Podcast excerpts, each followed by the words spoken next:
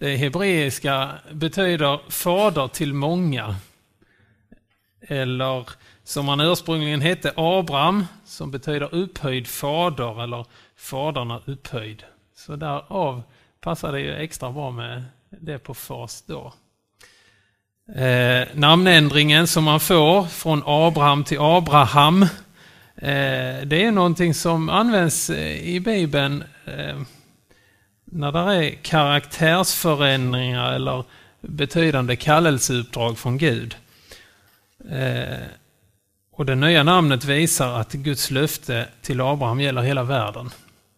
Han är far till alla troende av alla folk. Eh, upplägget för stunden tänker jag med viss tvekan att, eh, att kommer vara att jag försöker dra igenom historien. Jag funderade hemma, är det lönt att göra det?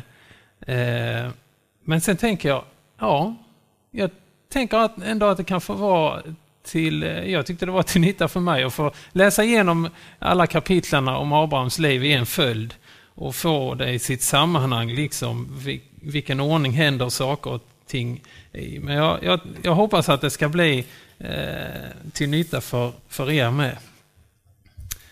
Eh, Abrahams historia finns ju i början av Bibeln. Eh, det börjar i slutet av kapitel 11 innan Abrahams historia så, så får vi en snabbskiss av hela mänsklighetens eh, urhistoria. Men från och med kapitel 11 eller slutet av det där vi får eh, Abrahams släktförhållande presenteras och så framåt så, så kan vi Eh, läsa om Abrahams liv och hur Gud utväljer en person och ett, ett folk liksom eh, ges löfte om. Ett stort folk och, och i slutändan pekar det fram mot, mot Jesus som ska komma, löftessonen. Och så, så var eh, Abrahams historia från eh, då slutet av kapitel 11 och en bit in i det 25 kapitlet i första Mosebok. Det vi får veta om Abraham så i början är att han är, eh, är släkt med Noas son som hade en son som hette Sem och sen så ett antal ner, led neråt där så heter Abrahams pappa Tera. Och de var bosatt, var bosatt i Ur i Kaldén. Nu ska vi se här om jag, jag är inte den mest bästa på, på det här med datorer och så, men jag har inte många snygga bilder och allt sånt där, men jag har ändå någonting som visar eh, Hoppas jag att det inte är för suddigt. Är det det så, ja. Eh, där borta till höger, där börjar historien om Abraham. Och så ser vi att det är en väldig resa han gör. Eh, det är många mil han lägger eh, under sina fötter, så att säga. På den resan där han eh, liksom kallas av Gud och, och gör en väldig förflyttning och det går fram och tillbaka och hit och dit. Men en lång resa. Men den börjar i Ur i Kaldén där han föds eh, drygt 2000 år före Kristus. Han är gift med Sara som eh, jag förstår det är hans halvsyskon, halvsyster. Och det står om Sara att hon var, att hon var ofruktsam. Och det kan vi ha med oss i den här berättelsen om Abraham och hans liv. Han kallas Ur, eh, Ur, från Ur, eh, till det land som Gud ska visa honom. Och Ur sen ligger långt iväg där bort vid Eufras strand nära Persiska viken. Eh, ett område där det låg flera stora städer och det var en miljonstad, den här Ur. Eh, eh, Fornstidens första kulturcentrum skulle man väl kunna säga att det var. Det var huvudstad i det mäktiga sumeriska riket som sträckte sig från Medelhavet till Persiska viken. Och här i den här staden, det var en kultplats för måndyrkare. Och dit kom tiotusentals pilgrimer som vallfärdade dit för att, för att dyrka. Och utifrån detta kallas Abraham jag säger Abraham genomgående, tror jag. eh, ni vet vem jag menar i alla fall. Och med på den första etappen som går till Haran. Eh, längst upp i bilden. Eh, så är det Tera, alltså Abrahams far. Det är Abraham själv och hans fru Sara och så Abrahams brorson Lot. De ger sig iväg mot Kanan, ett land som de inte eh, vet något om, någonting som ligger avlägset.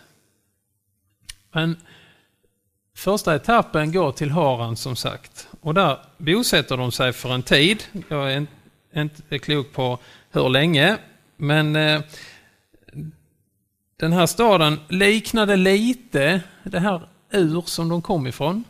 Även här hade man måndyrkan. Det var en stor handelsstad. Den låg på en handelsväg mellan Orienten och Occidenten. Eh, och på sätt och vis så liknar den ur på något vis. Eh, varför de stannade här vet jag inte, eller vet vi väl inte. Men eh, de stannar där ett tag i alla fall och Abrahams far Tera, han dör där. Eh, vi kan förstå att eh, något av eh, Abrahams syskon har med familj flyttat dit, så de är där. Men Gud kommer till Abraham med en ny kallelse och, och kallar Abraham ut igen till Kanans land. Och det är Abraham, Sara och Lot som, som ger sig iväg igen. Eh, de eh, reser söderut. De slår sig ner vid Mores terebintlund i närheten av Sikem. Och här visar sig, eller uppenbarar sig Herren för Abraham igen och säger åt dina efterkommande ska jag ge detta land. Nu är de i landet. Men vad vet Abraham om landet? Men Abraham han bygger altare, han offrar åt Herren och så står det att han flyttar vidare till Betel. Där bygger han altare och offrar. Men det blir hungersnöd i landet och därför drar Abraham ner till Egypten. Och så läser vi att Abraham, han är lite rädd vad som ska hända där. Hans fru Sara är mycket vacker, får vi reda på. Det tycker vi väl alla om våra fruar, hoppas jag. Eh, så han, eh, han är rädd att han för hennes skull ska råka illa ut. Och därför får han henne att säga att de är syskon. Det är de ju på sätt och vis, men de var ju mer. Eh, han är rädd att han ska bli dödad för Saras skull, att någon ska vilja ta hans liv för att göra Sara till sin fru. Och han utsätter sig själv och henne för stor risk. Och det ena följer på det andra där lite. Eh, de blir upptäckta så att säga. Saras skönhet blir uppskattad där i landet och farao vill ta henne till, till sitt hus och, och, och bli en av hans fruar. Men Gud griper in och det, det, landet drabbas av plågor för deras skull. Men det kommer fram hur det ligger till och resultatet blir att de blir bortskickade från Egypten.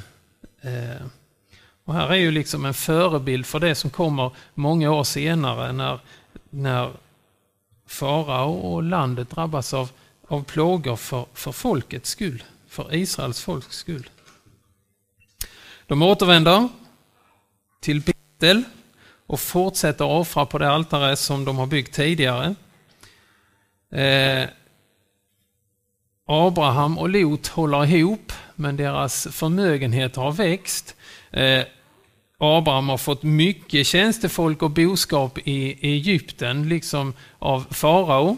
Eh, som lite betalning för Sara, fast eh, ja. Och Lot också har tydligen mycket ägodelar och boskap. Och, och för att de ska få plats så delar de på sig. Abraham och Lot. Abraham låter Lot välja område först och Lot väljer det som ser ut till att vara det bästa för ögonen, Jordanslätten. Och så drar han iväg ner mot Sodom. Eh, Herren visar sig för Abraham igen och talar om för honom att hela landet skulle tillhöra hans efterkommande och de skulle bli som stoftet Alltså folket skulle bli oerhört stort. Oräkneliga skulle de bli. Och så får vi läsa att Abraham flyttar till Hebron och där bygger han ett altare. Vi ser det är saker som kommer igen. Det är mycket resande och man bygger altare och man offrar.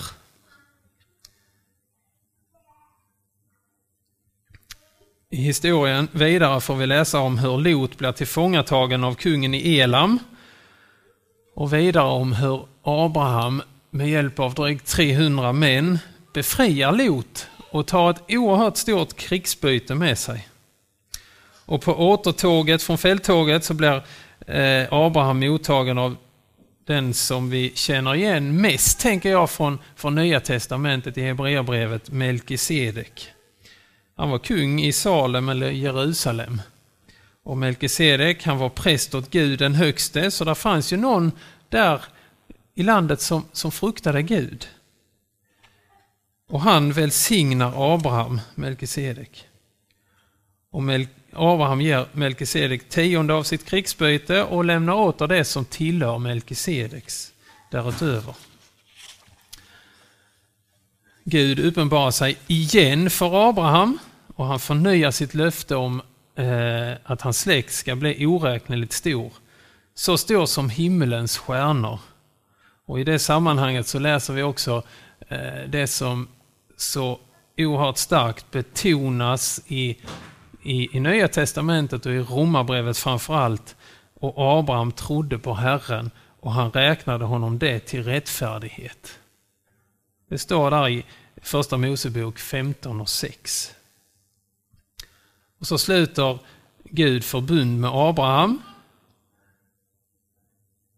Och så går tiden. Noa har varit utlovad en son. Men har han fått någon son? Nej. Jag tänker att det måste varit en oerhörd prövning, den största prövningen för Abraham. En stor träning i tålamod, i väntan på Guds tid. Det går tio år. Det kommer inget barn. Sara är 75 år gammal, står det. Och jag vet inte om hon grips lite av tvivel, tänker jag. Kanske är det inte jag som ska vara mamma till den här löftessonen. Löftet gällde ju särskilt Abraham. Hon var ju inte nämnd. Kanske tänker hon så.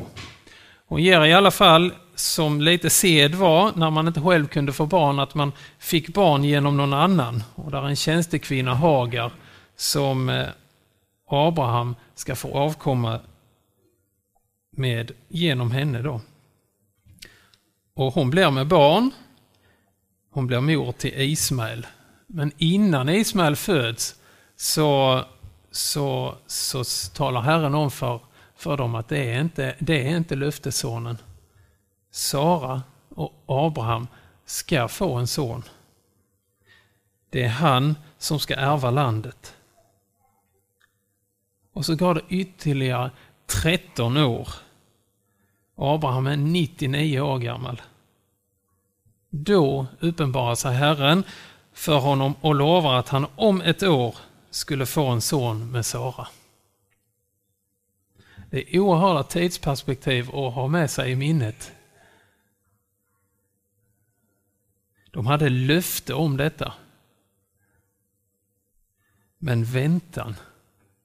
Det kan vi fundera på hur vi hanterar i våra liv och vi kan se hur, hur, hur Abraham och Sara hanterar det i sina liv. De gör bra saker, men de gör också tokiga saker i väntan.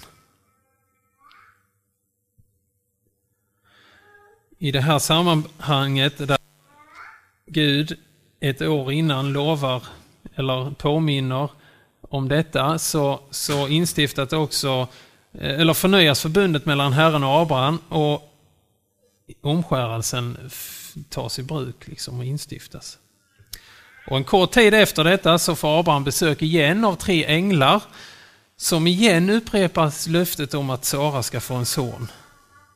Han bjuder de var hans gäster, eller deras gäster, och de äter hos honom, de samtalar och, och när det är färdigt så säger och de ska säga adjö så går, går Abraham en bit med dem på vägen. Och där får han reda på den plan som Gud har för Sodom och Gomorra. Sodom är ju där hans brorson Lot bor. Och när Abraham hör vad Gud tänker för, för de städerna så går Abraham i förbön för de rättfärdiga. Och han börjar med att säga om det bara finns 50 rättfärdiga, vill du då förgöra den städerna och inte skona platsen för den rättfärdiga skull? Och så, så fortsätter han att be och så sänker han antalet av de rättfärdiga. Och så står det i slutet av kapitel 18, när Herren hade talat färdigt med Abraham. När Herren hade talat färdigt med Abraham gick han därifrån och Abraham återvände hem. Men där fanns inte tio rättfärdiga. Men Abraham, eh, för Abrahams skull, någonstans tänker jag, räddas Lot och hans två sön, döttrar. Men städerna går under. Det står att Abraham sen drar vidare söderut mot sydlandet och bosätter sig i Gerar. Och här upprepar han det som han gjorde i Egypten. Han säger att Sara är hans syster. Kungen där vill ta henne till bihustru men blir i en dröm varnad av Herren. Kungen ger Abraham stora gåvor men förebrår honom starkt för hans handlingssätt. Abraham är 100, Sara är 90. Och då får de den son de så länge har väntat på. Sara begär nu att Ismael och Hagar, alltså tjänsteflickan och hennes son och Abrahams son, att de ska förvisas. Och så, så blir fallet. Och så står det att Abraham länge bodde där i Filisternas land.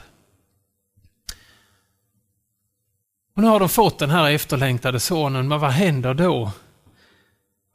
Jo, Herren sätter Abraham på ett oerhört prov.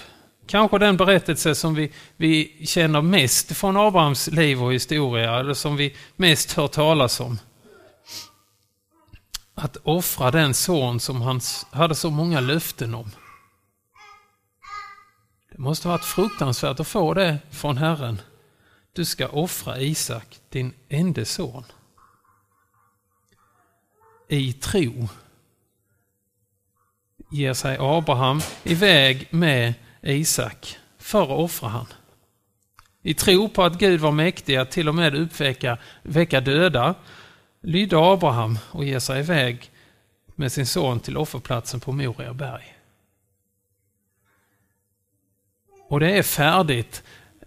Altaret byggt, veden ligger på. Han binder sin son Isak och ska precis till att, slakta det här offret. Då blir han stoppad. Nej, gör inte det. Och så får han utse ett, ett annat offer, en bagge, som blir offrad där istället för Isak. Det vi får reda på härnäst är att Sara dör, 127 år gammal. Och då befinner de sig i Hebron och Abraham köper en bit mark där. Och det är den enda bit liten jordstycke som Abraham äger av det, i det utlovade landet. En gravplats. Sara begravs där. Abraham, han eh, läser vi, gifter om sig och får sex söner, men det var bara Isak som fick ärva. Abraham eh, lät eh, de andra sönerna flytta, flytta österut och vi förstår att de blev stamfäder till flera arabiska folkstammar. Och så 175 år gammal så dör Abraham. Och så, han begravs av Isak och Ismael. Bredvid Sara. Och det var snabbt, om man kan säga så, i korthet 175 år, Abrahams liv. I korthet. Men om Abraham står det ju fortsättningsvis också i Bibeln som vi har hört. Det var, vad var det, 200-300 gånger. Eh, Inte bara i Gamla Testamentet utan också i Nya Testamentet. Och det som är genomgående och som slås fast och som vi påminns om är, är det här Abraham som far eller som stamfader till, för Guds folket. Eh, och i Romarbrevet 4 får vi läsa att Abraham är en far för som tror, både omskurna och oomskurna, både judar och hedningar.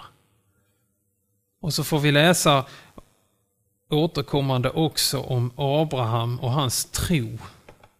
Att han var lydig kallelsen, att han drog ut från platsen på Guds kallelse. Att han genom tron blev rättfärdiggjord, läser vi om och om igen. Tron som ger rättfärdighet. Tron som leder till välsignelse. Tron som, som får oss att se löften gå i uppfyllelse.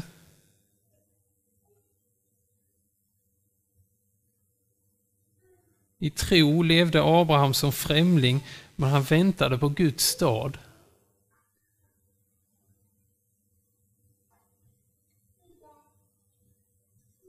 Och så talar hela den här berättelsen om Abraham, eh, om Israels väntan på löftessonen som skulle komma för att rädda världen.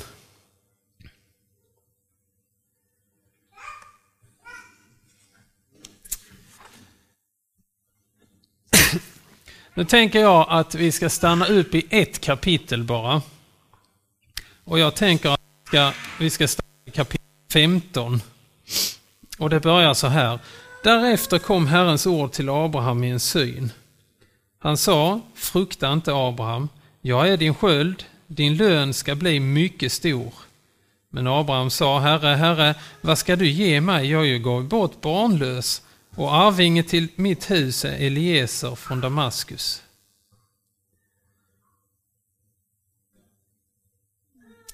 Det här är första gången som Abraham liksom svarar på vad Gud säger och kommer med invändningar. Och det gör han trots det fantastiska som han har varit med om. Precis före har vi läst här om hur eh, han med sin lilla armé på drygt 300 man kunde rädda Lot från kidnappningen, från att vara krigsfånge. Han hade blivit välsignad av Melkisedek så är det ändå någonting annat som upptar honom. Visst har Abraham tackat för hjälpen han har fått, han har gett tionde och så vidare. Han ser och vet vem det är som har hjälpt honom att övervinna armén. Men det är något annat som upptar honom. Löftet om landet, tänker jag, är han upptagen av. av. Men framförallt löftet om ett stort folk som skulle komma genom hans son. Ja, sonen som inte har kommit. Sara som är ofruktsam. Det är det han är upptagen av, tänker jag. Och han tänker säkert, det är länge sedan Gud gav mig det där löftet. Men vad har hänt? Jag börjar bli gammal. Sara med. Tiden går och vi har inte fått det där barnet. Jag går ju barnlö bort barnlös och arvingen till mitt hus är Eliezer från Damaskus, säger han. Jag tänker att Abraham måste tänka, jag måste ha en plan B. Jag måste ha en plan B. På den tiden fanns det lagar som gjorde att man om man var barnlös kunde adoptera en av sina tjänare. Och det Elias, Eliezer är en tjänare till, till Abraham. Och jag tänker att han kanske nämner det i det här sammanhanget för att liksom han tänker kanske att det är genom han jag får säkerställa att mitt arv bara inte försvinner ut hur som helst utan att jag vet vem det är som, som ärver. Men vad gör Gud när, när Abraham kommer med det här? Och liksom opponerar sig. Man skulle kunna tänka sig att Gud skulle förebrå Abraham för att han är upprörd eller så. Men Gud säger inte, du har ingen rätt att ifrågasätta det som händer. Gud säger inte så. I Bibeln ser vi om och om igen hur, hur människor i sin nöd ropar ut just sin nöd. De talar om för Gud hur de upplever och ser på saker och ting. David säger i Psaltaren, Hur länge, Herre, hur länge ska du glömma mig? I Habakuk 1 kan vi läsa, Herre, hur länge ska jag ropa på hjälp utan att du hör? Ropa högt till dig över våld utan att du räddar. Och så kan vi fortsätta läsa sådana exempel. Och så får vi ta efter. Vi utmanas till och med att komma på samma sätt. Kasta alla era bekymmer på Herren, han har omsorg om er.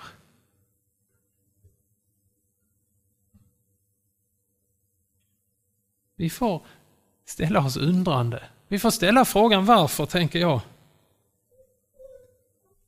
Men så får vi också läsa att efter det här så säger eh, fjärde Mosebok, det är ju väldigt långt iväg. eh, när Gud han, han säger denna ska inte ärva dig, alltså Eliezer, Eliaser, utan en som kommer från din egen kropp ska bli din arvinge. Och sen förde han ut honom och sa, se ut mot himlen och räkna stjärnorna om du kan räkna dem. Och han sa till honom, så ska din avkomma bli. Alltså Herren svarar Abraham. Det står i den, det femtonde kapitlet och den fjärde femte versen där. Och Abraham lyssnar till vad Herren säger. Det tänker jag också att vi ska ta med oss, att vi ska lyssna till vad Herren säger när vi kastar våra bördor på han. Vi ska lyssna. Och så står det i sjätte versen, och Abraham trodde på Herren. Och han trodde på Herren. Och han, Gud, räknade honom det till rättfärdighet.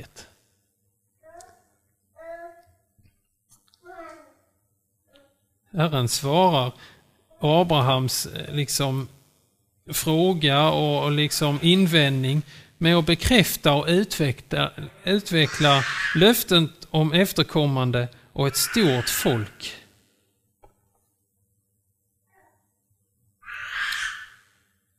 Herren sluter ett förbund med Abraham.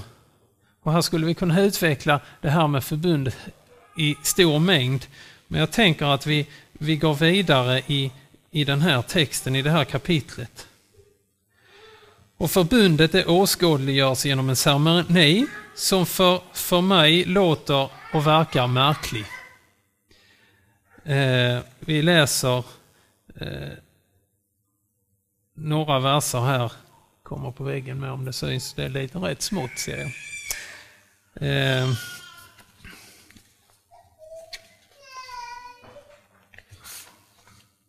jag är Herren som har fört dig ut från det kaldeiska ur för att ge dig detta land till arvedel. Han svarade, Herre, Herre, hur ska jag veta att jag kommer att ärva det?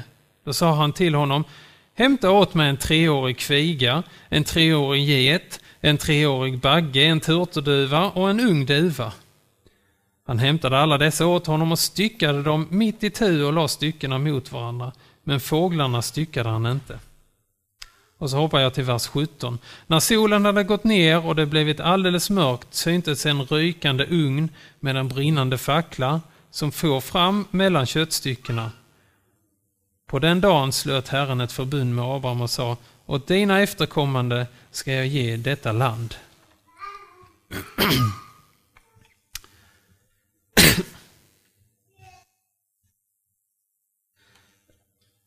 seden i den här på den här tiden var att när två parter skulle ingå eller upprätta ett förbund så gjorde man på det här sättet. Man la ut köttstycken eller offerstycken Och, och så, så, så gick de båda parterna in i den här cirkeln, eller hur, hur den nu bildades. De var där, gick där och därmed lät de sig själva komma under en förbannelse ifall de inte uppfyllde förpliktelserna som, som hörde till det här de slöt förbund kring. Och, och i förlängningen, den som bröt för, för, mot förbundet, så var symboliken med de här döda djuren att då skulle det gå, för den som bröt förbundet skulle det gå på samma sätt som för djuren. Utslängda, fåglarna skulle kunna äta av dem och så vidare. Så var det. Ett exempel på detta som vi har i Jeremia 34. Det är oerhört smått, men får jag ha väldigt bra syn för att se detta. Men Jeremia 34 och 8 läser jag. Det står så här. Detta är det ord som kom till Jeremia från Herren sedan kung Sekia hade slutit ett förbund med allt folket i Jerusalem att de bland sig skulle utrota, utropa frihet så att var och en skulle frige sin hebreiska slav och sin hebreiska slavinna. Detta för att ingen skulle ha sin judiska bror till slav. Ett förbund. Ni ska frige. Som han har. Det är förbundet, vad det, vad det handlar om. Men så gör man inte detta. Den ena parten håller sig inte till detta. Och så hoppar jag till vers 17. Därför säger Herren så. Ni har inte hört på mig och utropat frihet var och en för sin bror och sin nästa. Så utropar då jag, säger Herren, frihet för er att utlämnas åt svärd, pest och hungersnöd. Jag ska göra er till ett avskräckande exempel för alla riken på jorden. Jag ska utlämna de män som har överträtt mitt förbund och inte hållit orden i det förbund de slöt inför mig. När de delade kalven i två stycken och gick mellan dem. Så man hade gjort detta när man ingick förbundet. Och så läser vi i vers 19. Juda första och Jerusalems första, hovmännen och prästerna och allt folket i landet som gick mellan styckena av kalven De ska jag utlämna åt deras fiender, till de män som vill döda dem, och deras döda kroppar ska bli till föda åt himlens fåglar och markens djur. Så har vi en, en tillämpning, eller ytterligare en gång vi läser om detta i, i Bibelns historia och i, så.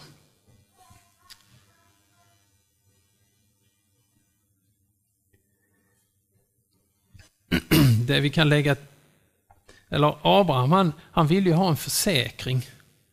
Hur ska jag veta att jag kommer att ärva det här som, som du säger, Herren? Det säger, frågar han i vers 8 i, i Första Mosebok 15. Och så det här som händer, Herren sluter förbund med Abraham. Ritualen, eller ceremonin, tänker jag etsar sig fast i Abrahams minne. Gud har sagt, Gud har lovat. Han har ingått förbund.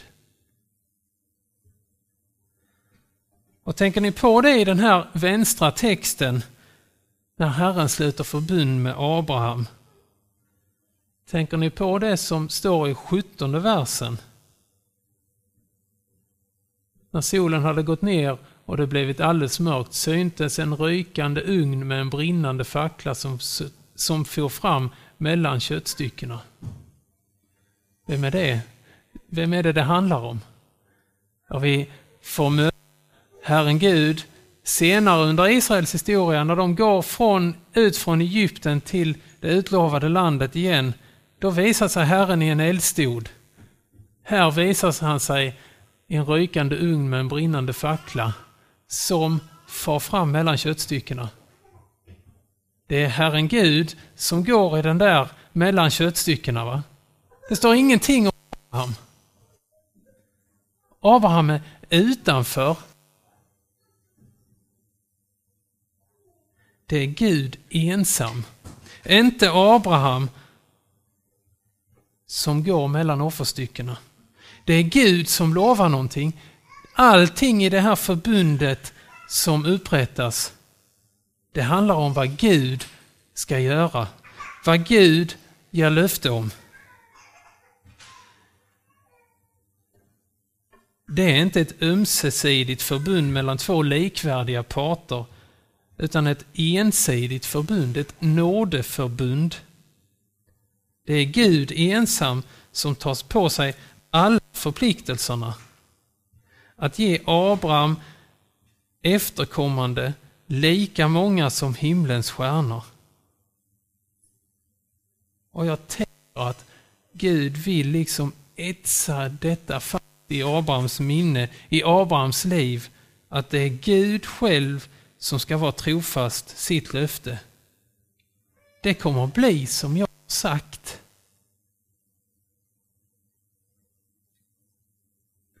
Det kommer att bli som jag har sagt. Löftena kommer att gälla. Det kommer att bli så. Och vilken förebild blir inte detta i det, i det större sammanhanget när vi ser det i, i hela mänsklighetens historia och när vi liksom ser parallellerna in i Nya Testamentet. Där läser vi i Andra Korinthierbrevet 1 och 20 att alla Guds löften har i honom fått sitt ja. Honom, det är Jesus. Alla Guds löften har i honom fått sitt ja.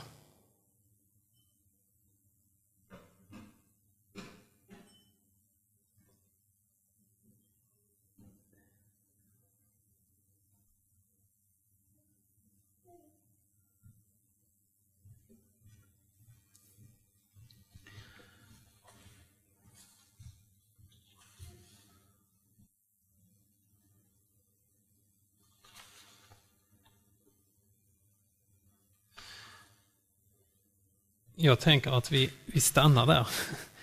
Herre, tack för att alla löften som du har gett genom världshistorien, de står du fast vid. Du är mäktig. För dig är ingenting omöjligt. Herre, vi, vi kan bara precis ana den situation som Abraham och Sara var i. Att ha de här löftena och, och gå dag för dag och bara vänta och, och liksom vad ska det bli av det? Ja, tack för det vi får läsa om att då trodde Abraham. Herre, vi ber om tro. Vi ber att vi skulle ta alla de löftena som du har gett oss till oss. Att de skulle få göra nytta i våra liv att vi skulle hålla oss till dem och att vi skulle få se på det som har varit att du har hållit allt. Du gjorde det i Abrahams liv och du har gjort det genom Israels historia och du har gjort det på så många sätt. Herre, vi ber att när vi läser de här texterna i Gamla Testamentet som vi kan tycka är knepiga och undra varför står det så här? Och du ser hur många frågetecken som, som vi alla kanske har i, i bara Abrahams, i berättelsen om Abraham. Varför gjorde han så? Vad, vad menas med detta? Och Herre, vi ber om hjälp och vishet att läsa det, att forska i det, att ta ordet till oss och se att det som står där, det, det har betydelse för oss med. Det kan göra nytta i våra liv, i vår vardag. Att vi kanske får också ibland pröva sitt tålamod på löften som vi, vi väntar på att ska infrias. Hjälp oss att inte ta saker och ting i egna händer. Hjälp oss att vänta på dig och din tid. Ja, du ser vilken oerhörd svårighet det kan, få vara, kan vara för oss i, i det samhället och i den tid som vi speciellt nu lever i där allt ska eh, ha hänt nyss. Du ser hur oerhört lite tålamod vi har. Hjälp oss, lär oss tålamod i, i det vi läser här. Hjälp oss att ta det till oss. Ja, nu ser du att det är massor som inte är sagt och eh, saker som har blivit kanske rörigt. Herre, vi ber att du lägger det till rätta för oss. Och så ber vi om ett gott samtal här och att saker och ting kanske skulle kunna få bli uträttade eller eh, förklarade här och nu. Välsigna den fortsatta stunden där. Amen.